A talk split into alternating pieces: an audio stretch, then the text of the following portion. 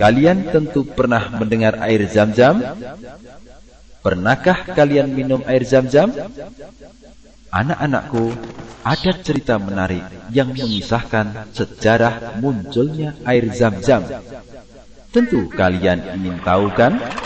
Karena ternyata air zam-zam itu muncul di daerah padang pasir di lembah tandus yang tidak ada tanamannya. Ayo, simaklah kisah keempat ini. Kisah keempat ini dengan judul Asal Muasal Air Zam-Zam.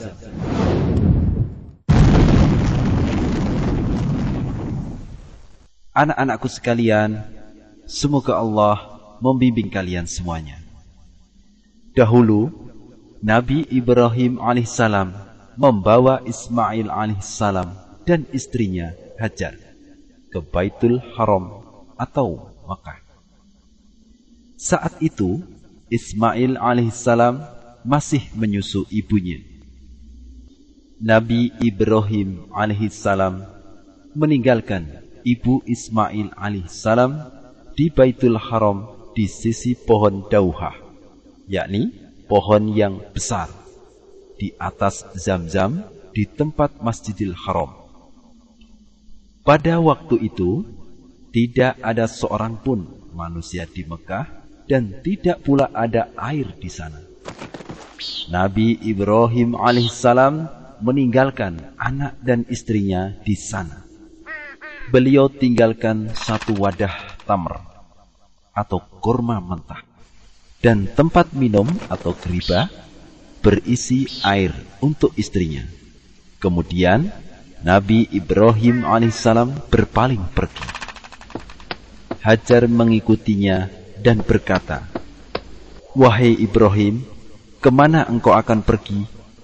Apakah engkau meninggalkan kami di lembah yang tidak ada manusia dan tidak ada apa-apanya? Hajar mengatakannya berkali-kali. Sedangkan Nabi Ibrahim alaihissalam tidak menoleh kepadanya. Maka Hajar bertanya, Apakah Allah yang memerintahkan engkau dengan hal ini? Nabi Ibrahim alaihissalam menjawab, Ya. Hajar pun berkata, Kalau begitu, Allah tidak akan menyia-nyiakan kami. Kemudian Hajar kembali. Lalu Nabi Ibrahim alaihissalam berangkat pergi.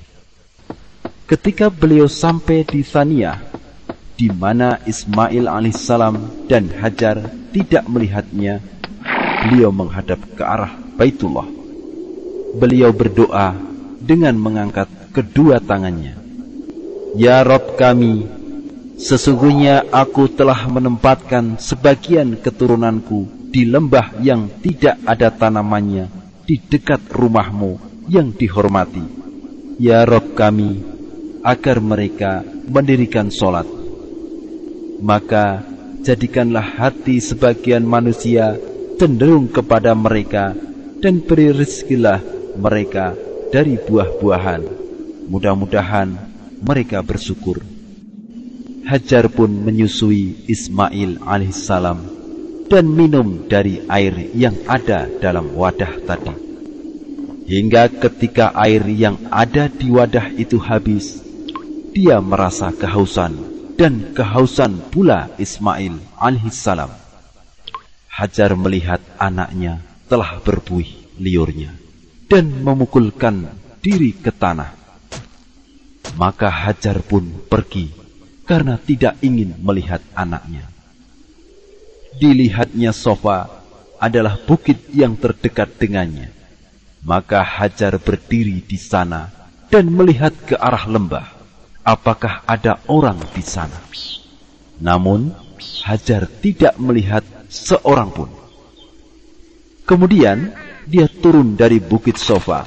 Ketika sampai di lembah, dia mengangkat ujung pakaiannya. Kemudian berlari kecil dengan bersungguh-sungguh. Ketika lembah telah terlewati, Hajar mendatangi bukit Marwah dan berdiri di sana. Dia kemudian melihat-lihat apakah ada seseorang. Hajar melakukan hal itu tujuh kali. Ketika naik ke Bukit Marwah, Hajar mendengar sebuah suara. Dia berkata kepada dirinya sendiri, "Diam." Kemudian dia berusaha mendengar. Maka terdengar suara lagi. Hajar berkata, "Sungguh aku telah mendengar. Tolonglah aku jika di sisimu ada kebaikan." Tiba-tiba dia mendapati seorang malaikat di tempat Zam-Zam. Dalam riwayat At-Tabrani rahimahullah, kata Ibnu Hajar, sanatnya Hasan. Disebutkan bahwa malaikat itu adalah Jibril. Anak-anakku sekalian, semoga Allah membimbing kalian di atas jalan yang lurus. Kemudian, malaikat Jibril menggali dengan tumitnya atau dengan sayapnya sampai muncul air. Ibu Ismail pun kemudian menjadikannya seperti kolam dengan tangannya dan menciduk air ke dalam geribanya. Air itu pun memancar sesuai dengan cidukannya. Seandainya Hajar membiarkan air itu atau tidak menciduk air itu, maka air zam-zam itu akan menjadi nampak dan mengalir. Ibu Ismail kemudian minum dari air itu dan menyusui anaknya. Malaikat Jibril berkata, Janganlah kalian takut akan binasa. Sungguh di sini akan berdiri rumah Allah yang akan dibangun anak ini bersama bapaknya. Dan Allah tidak akan menyanyiakan penduduknya. Dan Baitullah tinggi di atas bumi, seperti anak bukit yang air mengalir ke kanan dan ke kirinya. Begitulah keadaan Hajar, sampai akhirnya orang-orang berdatangan dan mereka berkembang di sana. Itulah asal muasal air zam-zam. Wallahu a'lam.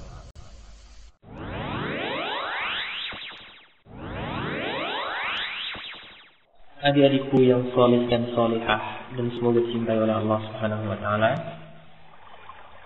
Sekarang kita akan mengikuti faidah-faidah berharga dari kisah asal muasal air zam-zam. Jadi faidah yang pertama dari kisah ini adalah wajib bagi kita untuk menunaikan segala perintah Allah Subhanahu wa taala dan menjauhi segala larangan Allah Subhanahu wa taala. Berikutnya, kaidah yang kedua di dalam kisah tadi seorang istri wajib taat kepada suaminya dalam perkara yang bukan maksiat kepada Allah Subhanahu wa taala. Karena tidak ada ketaatan kepada makhluk dalam perkara bermaksiat kepada Allah Subhanahu wa taala. Yang selanjutnya, faedah yang ketiga, kita harus yakin bahwa Allah Subhanahu wa taala tidak akan pernah menyia-nyiakan hambanya yang bertakwa kepada Allah Subhanahu wa taala.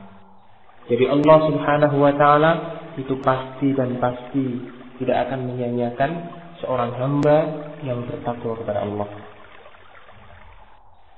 Kemudian faedah yang keempat di situ kita diajarkan untuk senantiasa berdoa kepada Allah Subhanahu wa taala, memohon segala sesuatu itu hanya kepada Allah Subhanahu wa taala dan tidak kepada selain Allah Subhanahu wa taala.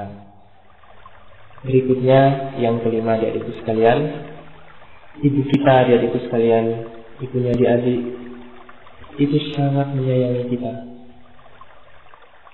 Tidak ada ibu, tidak ada seorang ibu mana pun yang tidak menyayangi anak-anaknya. Maka adik-adikku sekalian yang dirahmati oleh Allah Subhanahu wa taala, kita tidak boleh durhaka kepada ibu dan juga kepada bapak. Seorang ibu itu pasti sangat sayang kepada putra putrinya. Itu kita harus mematuhi perintah ibu, menuruti apa yang diperintahkan oleh ibu dan tidak boleh durhaka kepada ibu. Berikutnya dari itu sekalian kaidah yang keenam di dalam kisahnya asal muasal air zam-zam kita dengan kaidah di situ iman kepada malaikat dan kita juga harus yakin bahwa malaikat itu memiliki kemampuan untuk berubah bentuk menjadi manusia dengan perintah Allah Subhanahu wa taala.